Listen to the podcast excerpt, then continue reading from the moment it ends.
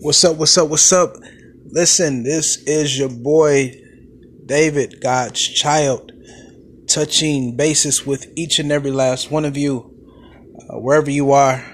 My uh, hope and prayer is that you continue uh, to see the blessings that God has for you and that um, God continues to open doors and give you opportunities and uh, push you into levels of life uh, that will just blow your mind. Listen, something big is getting ready to happen, and I pray that you are receptive to everything that God has for you. Listen, I know it is January, meaning uh, throughout the decades, throughout time and history, people have been setting um, resolutions, New Year resolutions.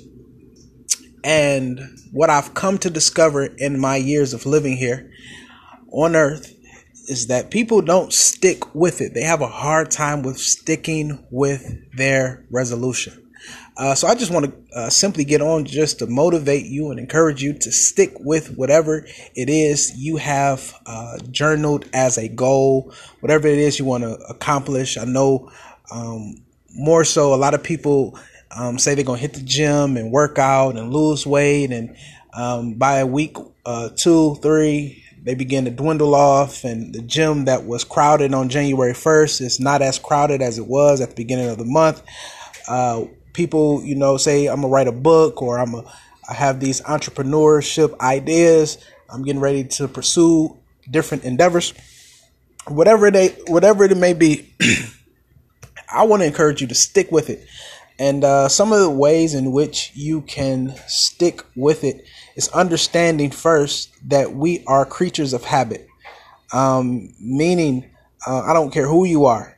Um, we all have habitual states that we live in that we over time we do things and re, we just do them because we've been doing it for so long that it has become our natural routine. So therefore, when you get to December, November, December, and you begin to say, okay, I want to do this and that, um, it's kind of hard for you to stick with what you desire because of um, habits that you have formed. And that's with anybody. So you have to understand that you are a creature of, of habit and that you have to shock um, you have to shock yourself in sticking with whatever goal it is uh, you desire. Um, and, and one thing that i do understand and know for a fact is that it takes 21 days to break or make a fast or break or make a habit. It takes 21 days to break or make a habit. What am I saying? If you can continue to stay on your goal for 21 days, you can make it a habit. It will become natural. It will become second nature for you. Um, so, um, in, in, in doing so, if your goal is to write, attempt to journal for 21 days if it's your if your goal is to get to the gym, try to go to the gym not every day, but every other day for at least that 21 day period mark. So you may not hit 21 consecutive days, but if you can keep going uh, consistently, constantly um, over a, a span of time and reach that 21 day mark over time, the gym will become um, human nature. It become normal for you.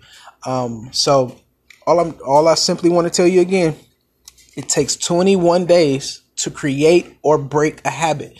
Maybe you are um, invested in a habit that you don't want to, that you no longer want to indulge in. I don't know what it may be. Um, but if you can uh, fast or stay away from that item or whatever it is for 21 days, you can break it. Some people have the New Year resolutions. I want to start, I want to stop smoking. I want to leave the cigarettes alone um, if you can make it past that 21 day mark, it gets easier. Uh, I don't know where it comes from, but I just know it works.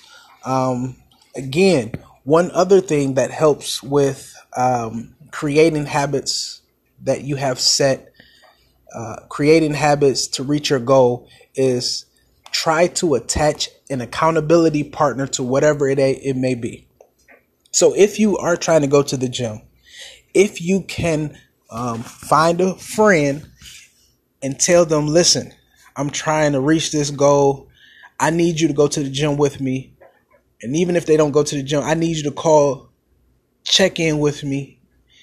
This is what I need you to do because um, I'm struggling with creating or making this a habit, so I need somebody to hold me accountable. Listen, accountability partners um, are essential and necessary in regards to um, bettering our lives. I don't want to be too spiritual, but that's just my background. In Ecclesiastes, um, the Bible says two is better than one. For when the one falls, who does he have to pick him up? When you have somebody who you consider to be accountability partner, that individual has the ability to hold you accountable, to lift you up, to motivate you, to encourage you. Because the truth of the matter is, if you don't have a certain level of discipline, um, it can be hard to uh, maintain and consistently empower or employ these uh, habits or to, that you're trying to uh, set in order to reach a specific goal. So if you can attach an accountability partner to whatever it is that you're trying to do. Uh, maybe you're trying to learn something new. Um, get an accountability accountability partner that can aid you, help you, uh, test you. Maybe you're trying to go back to school or you're trying to pass an exam or whatever it may be. Get you accountability partner. These are just simple steps that help you to reach your desired goals. Um, because I don't want to see uh, you become the average individual who says, okay, uh, January 1st, I'm going to start this. Um, and then January 20th, you, you, you're not even focused no more.